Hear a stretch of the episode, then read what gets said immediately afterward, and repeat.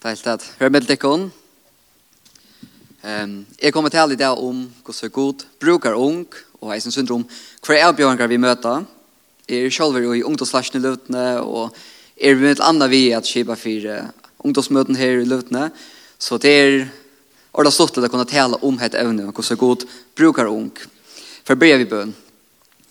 Gå god takk for uh, at vi kan samles her til her. Vi ber om at uh, du skal tale et lokkere. Takk Herre, ber om det som kom fram i morgon om dessa kvinnor som är så utsatta som många röda här, Herre. Vi ber om att vi som samkomma skulle nå utlösa kvinnor och hjälpa oss att vara oss och be oss mot året vi ser här till er, Herre. Be oss bara för även att det ska tala till oss, Herre. Vi pröjs tacka det här. Amen. Att som är har lært, tjøk noen, mot andre liv, eller mine fer vi gode, till er at god fer att han har fer prekvar, at hans er veier og hans er tankar er så nekvhakre enn okkar tankar er. Da vi leser om Guds storleika og heilaleika og hvor så fantastisk god er i Bibelen, så er det slett skilja at god i behøver leken ega oi okko menneskje. Vi leser i at David grundar av etter løntarmålet at allheimsens skapare, allmåttig god, at han legger nega i okko menneskje. Her han skriver i Solm 8, vers 4-5, Ta i suttje himmeltøyen, Versk fingra tøyna, manan og skjøtnar ut ur gjørst. Kvæt er ta menneska, at det kommer til jo, menneskabatne, at du tek der av tøy. Ta vid hukse om at det er ikke menneska, og vi kommer en gang tatt oppa Guds heilaleika, Guds status, så er det oskiljande å hukse først at Gud legger nek ui okkon, men at han sjolver vil det komme ned til gjerrar. Gud sjolver kjem ned, gjervis sitt loiv fra frelse okkon. Og ikke einas fremme god kan man sige eit ologisk versk av Golgata, ta han viser kærleik til okkur mennesker, vi er frelsakon, vi er Jesus sjolvan. Men god, han formengan langre enn til han. God, han innskjer nøyt okkur mennesker, og han nøyter mennesk, ofta til menneskene som vi heldre ikke hadde hoksa er og til menneskene som er nega særligt. Jeg umynte mer at hvis jeg var, teka, hvis jeg var den mest virde person her av hold. den som folk elskar mest av det gjørende. Og jeg skulle ha valgt meg til mennesker til å heire mot navn, gjørs med stora, Så jeg kanskje ha valgt forsetan i USA, kanskje David Beckham, eller anker som vit, så ikke jeg størst i. Men god, han bruker ofte til menneskene som vit mennesker ikke engang så ikke jeg størst i, til å gjøre heier til sitt egna navn. Så vi bare hittet noen fav og dømen om hvordan er god gjør heter i Bibelen. Vi leser med andre i Josva 2. Her god, han brukar en skøtjå og et Rahab til at bjerga og Israelsfalket til gjør at han sier. Rahab, hon fjallte når njøsnare kom inn i Jericho. Og henne er et trygg, henne er økta og luttne for gode, var vi og at Israel sier og hon bjerga eisen sin egna løyve. Og Rahab er enda nevnt og i attertalene tja Jesus. Hetta en skøtja, hetta var ikkje en konger, og ikke av Israelsfetje sier, men en skøtja. Paulus, og han var en av personen og haft størst avvarskan akkurat heimsøvå. Han skrev 14 bøker i Bibelen. Paulus sjolvor, han ætsøkte og hæta i samkom gods. Og man kan vel kalla han for fortjente gods. Han sier sjolvor, han lyser sina støv i 4 Korinthbrev 15, i vers 9, her han tåsar om hva han er gjørst. Han sier, «Tog i stand til atastor av apostelen noen, og er ikke verdre kallet apostol, vi te at jeg lie etter samkommet gods. Men han nøye gods er i det som er det. Og Paulus grunter eisen etter løntarmalet, at god fer at han fer nøyder til menneskene, og i vid med det er overtig, og i vid med det ikke er mektig. Til han greiner eisen i 4 Korintbrevet, kapittel 8, så leser for vers 26, for leser noen verser, de vet han slått opp, 4 Korintbrevet 8, vers 26. Han skriver her, «Tu hitje og kalltikkar brøvor, tid er ikkje mennesker viser holdt noen, ikkje mennesker mektiger, ikkje mennesker haborner. Nei, te som var heimnen dorskapor, utvalde godser, for kjenner viser til skammar. Te som heimnen var vakt, utvalde godser, for for jeg et sterska til skammar. Det som heimnen har løyt jeg tøya, hitt vannvirta, det som åndsje vær, utvalde godser, for jeg gjer til åndsjes det som vær neka, så åndsje hold skal rosa her for gode. God stedfester, Jöknum Paulus, Jöknum Rahab, mittel Anna, han ser av visdom og at han ser tankar, han ser vi er så nek hakre enn okko menneskje. Du er vant ikkje at vi tar utpeika Paulus og Rahab om vi skulle ha nøyt når menneskene heier Guds navn. Enda bare og Jesus, skaparen til okken, ta han kommer her til folk, ta blir han føtter inn i en fattig familie, og han blir føtter og er fjås med en jord.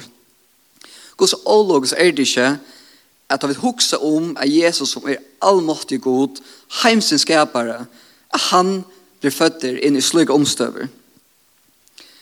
Jeg også var i fyrjon, at vi skulle hoksa om de menneskene som, og i middag det kom visst nå, er at her som er bunden alkoholet, det som vi kallar for bomser, hvis et her vårt her til å bli en vetjeng fyrjon, det gjør logist, men såleis fungerer godt og han kunne godt valgt, utvalgt her, slik menneskene. Det er fantastisk at vi sutja ångas hennes i borblene, neka vers, og vi tåsar om frelse, og knyter det at sosialan status, hva arbeid man hever, hva så klokere man er, etla altor. God gjør ikke mannamon, og han får lengt fra prekvetter. Til det kjente verset Johannes 3,16. Til så elsker God heimen at han gav sånn sånn hinn einbarna, for jeg kvørt han. Her er ånden, ånden menn, men kvørt han i troer, og han skal ikke fortepast, men hava evet lov.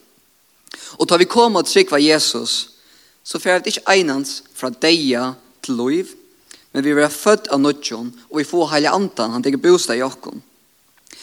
Og da sender heldur ångrestans i bøyblene, neg aldersmarsk fyrir nær, vi kan bløy nødjeskapningur, nær heile antan kan teka bostad i okkon. Heile antan kan teka bostad i einun hver menneska, eisne ungom fölkje. Paulus sier sjolv i Rombran 8, Tann og ikkje er anda Kristus her, høyre ikkje honom til. Og han skriver eisen til unga Timotheus, og i 17. Timotheus 1, 14, da han skriver, så sier han, Vær vakt vi helja andanon, som oi okkom boir, hin fagra skatt, og i tær er given i hentor, sier han til Timotheus. Paulus inkluderer Timotheus oi at helja andan boir eisen i honom, hoast at han er unger. Om god er mentor til å frelse ung folk, så er han eisende mentor til å bruke deg. Helganden, det er ikke som at vi først blir frelst, og så kommer helganden, og så kan vi høre Guds rødt. Her er alt nærmere som har hentet samståndes. Og helganden, han tar bostad i ungen, og han er eisende mentor til å virke i dem, og til å leie deg. Og hetta som sagt må vi virkjenne at ung kan bli leit av helganden. Begge ruik og fatøk, begge vois og avvois, og begge gommel og ung, kunne bli fyllt ved Guds kraft.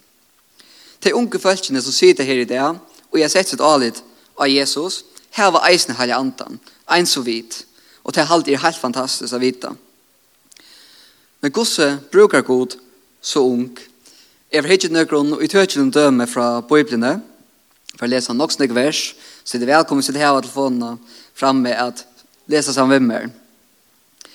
For jeg finnes ikke etter en av serie kjente frasøk om David og Goliat. Til han frasøk senter i Fyra Samsbog, Seichan, til en lengk søv, så jeg får ikke lese alt. Men et som jeg kjenner øye ofte ung, til jeg vet er og nekmere naiv, og kanskje ofte har større trygg enn vaksenfelt kjæven.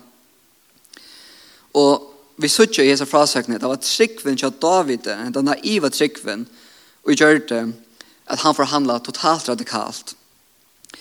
Til tekken som ikke kjennes vel fra så var filisterherren og israelsherren, der skulle de krutsk, og her var en risu i et Goliat, og i altså, sleie atlan og vi rasslo.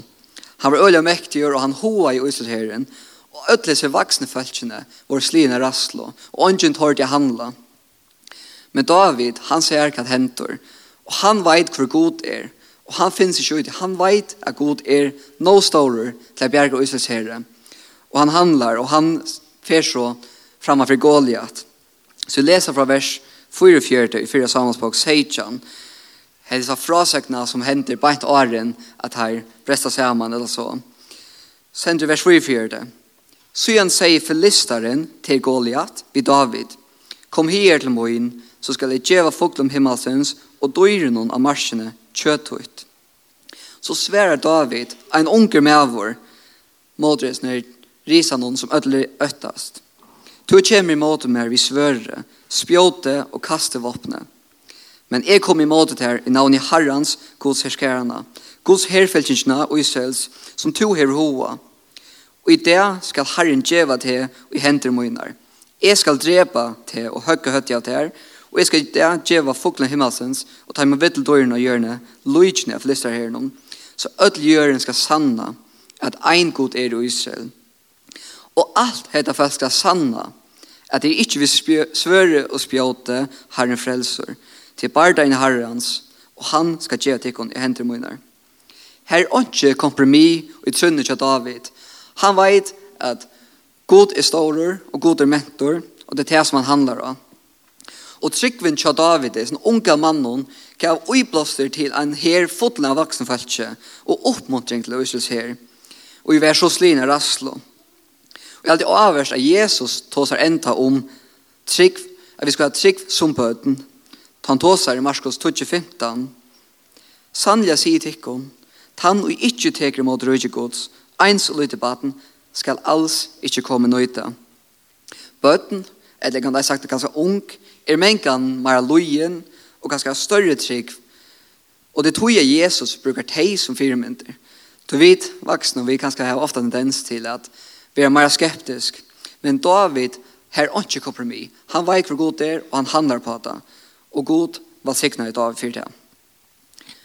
Det er en kjent frasøk, og i Daniel 8, for jeg som leser noen vers her, hvis vi leser i Daniel 8, vi leser vers 3, Her vi leser om fyra unglingar, Daniel, Sadrak, Mesak og Abednego, om hvordan her, ja, hvordan god alt sikna det her.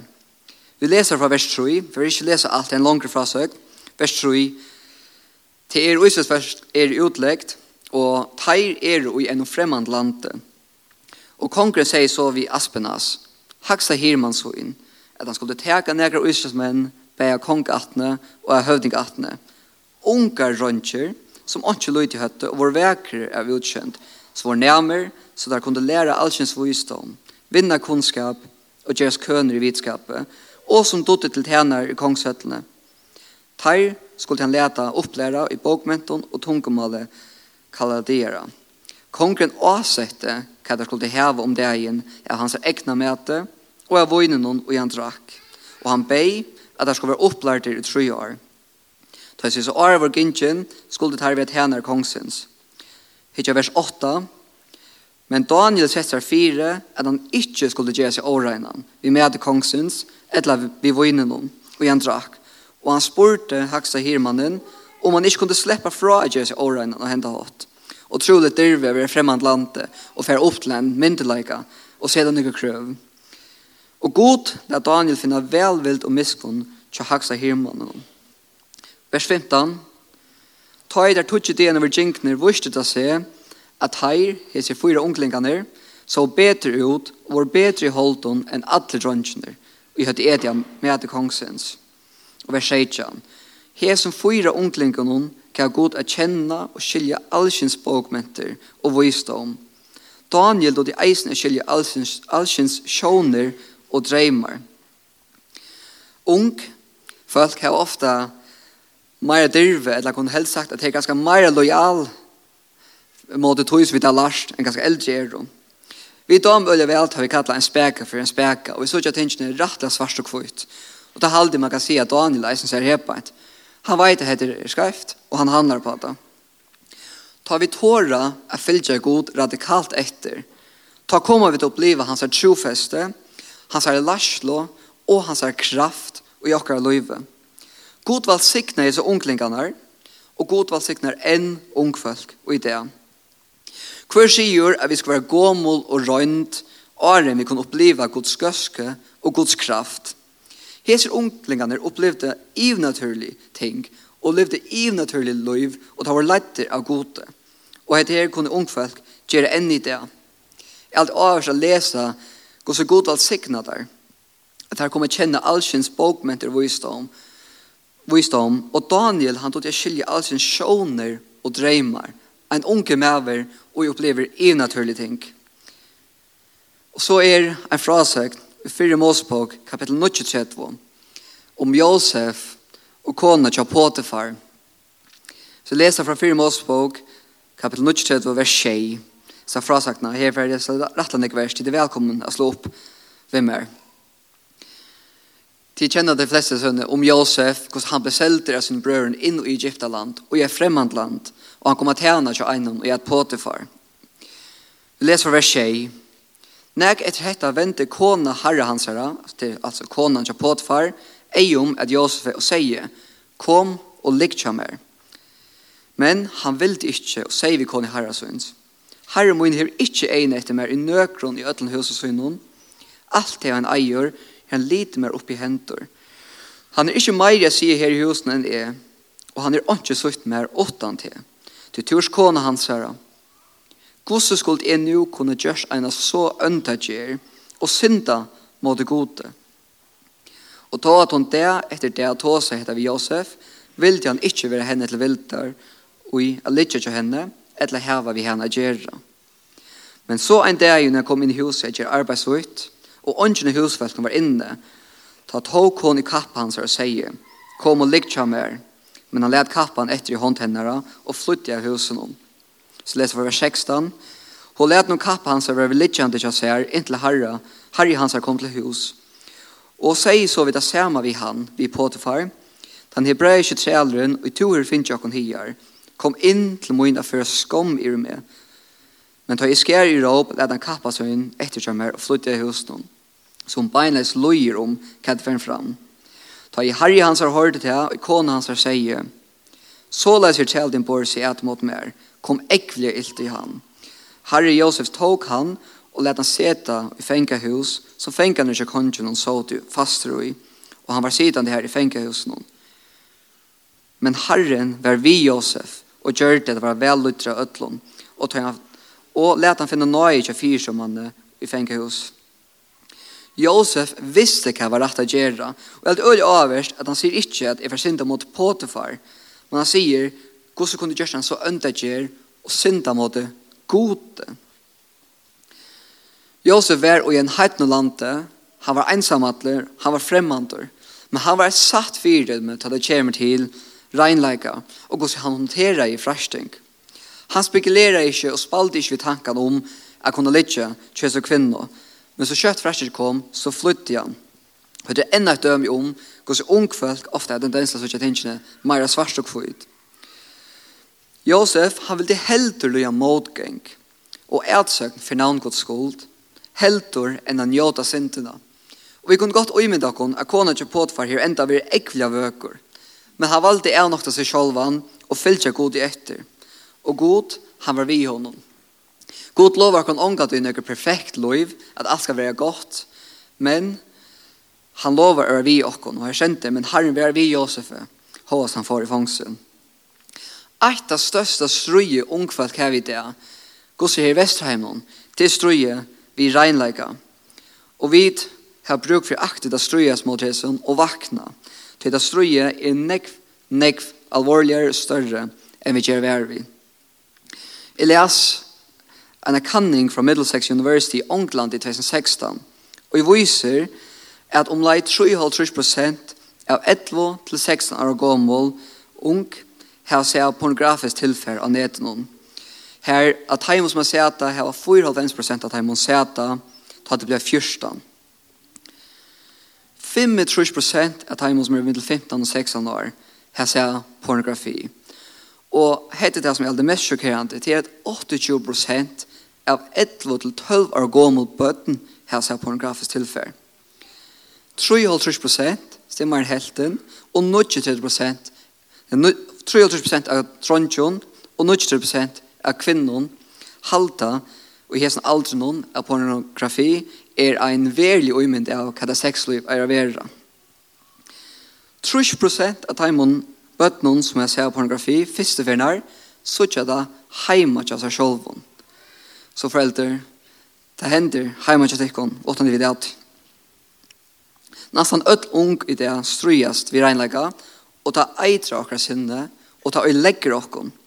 Ta evar ungur, og i sin tannåring alt noen, Ta på en bølgur setter stån her i løvdene og kalles for Hagnos og i Merskireinleitje. Vi var regn i åtta unger manns og vi møtte vikelige i flere år her vi fikk undervisning og i hva Bibelen sier om regnleika. Vi bo sammen, tog seg om Gustav Jack og hette samfella.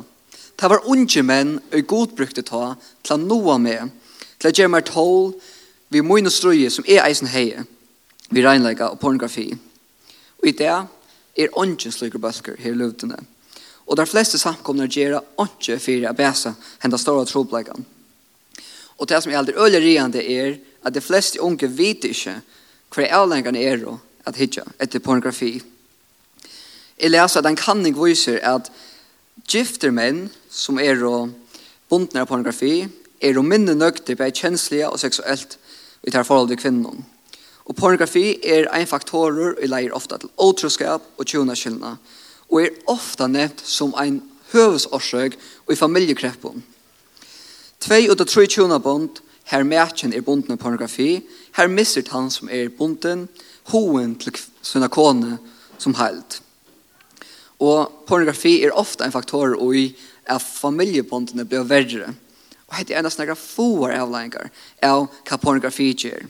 Og det er så utrolig at jeg unge det som er totalt bunden av oss nere. Ungkvalg heva negra firmynter og jeg sånn øtje noen, men trobladjen er nekv større enn det halta. Da jeg var unger hei negra gåar unga firmynter og var om omlai tutsjar eldre ned, og jeg kunne rinja til, og jeg kunne sutja opp til. Og jeg kallte til jo samkomna til at ikke eina spia for okkon, men at vi må ta anker sti for å hjelpe teimen og strøyast, tog det er så utrolig nekv. Så er det en under frasøk om en smadrong i nødgjøsmente, og kom vi i brei og fiske. Så vi hittet tog som det største døme, i Johannes 6, vers 9-13.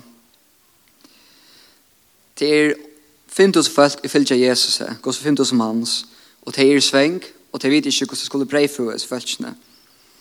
Og så tog vi diskuterer det her, og da sendes Johannes 6, 9, og henne frasøkningen. Jeg lærer lærseren sier, her er en smadronker som har fem big byggprøy og tvær små fiskar. Men hva er det til så mange? Jesus sier, let det følge sette seg nyer. Her er nekker jeg seg stedet noen, når sjette seg ta nyer, okkurs om 5000 i tale. Så tok Jesus breiene, takka jeg, og bort ut til tarra, og så til her. Så omleis av fisken noen, så mye som de ville hava. Og det var møtt, sier han vi lærer seg en sønner. Saune saman bitene og lepe av, så åndsje spilles bort. Der sauna og ta saman og fylte tølv kurver i biten, av en fem byggbreyun, på brottheimun i et høtt. Til mengan vid unko, vid av ikke som røynter, det er ikke som utbyggving, eller voistom, som tid eldre heva. Men til luttla og vid heva, innskir god av foa, og han kan gjøre det til legge størst, ta vi gjøre det til hans herre Læt jo kun etja okkar unko til at bruka til luttla som det hava finnje fra gode. Vi må ikke undermeta hva god kan gjøre ta ungfølt djeva sitt liv til Kristus. Jeg minnes da jeg var tannåringer av Tinstrid at vi platt at møte sammen her, at bia sammen og vittna. Jeg minnes jeg har kommet kom til fyrjar at en ungdomsmøte får vi ofte bilturer at bare bia sammen og ting hento. Jeg husker enda her av i okkar ungdomsarbeid her alive. Vi har eit av største ungdomsmøte i Førjon her mellom 100 og 30 ung koma kvarja fyr. Og med en parsen av Taimond i standa 18 vil det tiltakje er tannåringar. Og god kjørvøkst. Vi ungo har ikke nekva djeva, men god teker det luttla og vi djeva og han djever vøkst. Ein så han gjør det ved hendas smadrangen og i gav det at Jesus. Og Paulus skriver eisen fyrir grunn på troi, kvørstet han i plantar eller at han i vattnar er til neka, men god som gjør vøkst. Men god så så vi tikkun, og ikkje kjenner tikkun ung. Først og fremst så vil jeg etja tikkun a bia fyrir jokkun. Bia fyrir at flere ung skal komme til sikva god, og at god skal verveida til unge og i her sett ut alit av han. Vi då bliva i løtning av live, at det er utrolig stortlet og spennende. Det er øyne nekv som kommer. Og det er øyne nekv ung og i tjena. Og det er fantastisk. Men en kanning i USA, til Lifeway Research, viser at tvei ut av tre ung stekker kommer møte ta det blir 20 år. Da teker enast eit atterli og i vela reka god, og som negra år er ønsken unger tryggvant.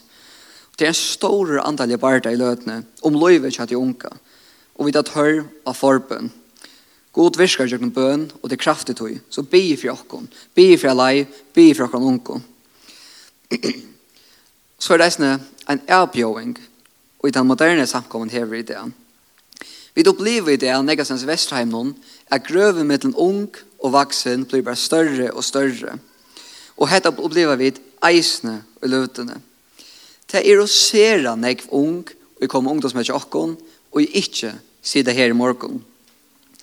Men det er samtidig eisne ser en egen og i nok aldri denne gangen kan være akkurat ungdomsmøten.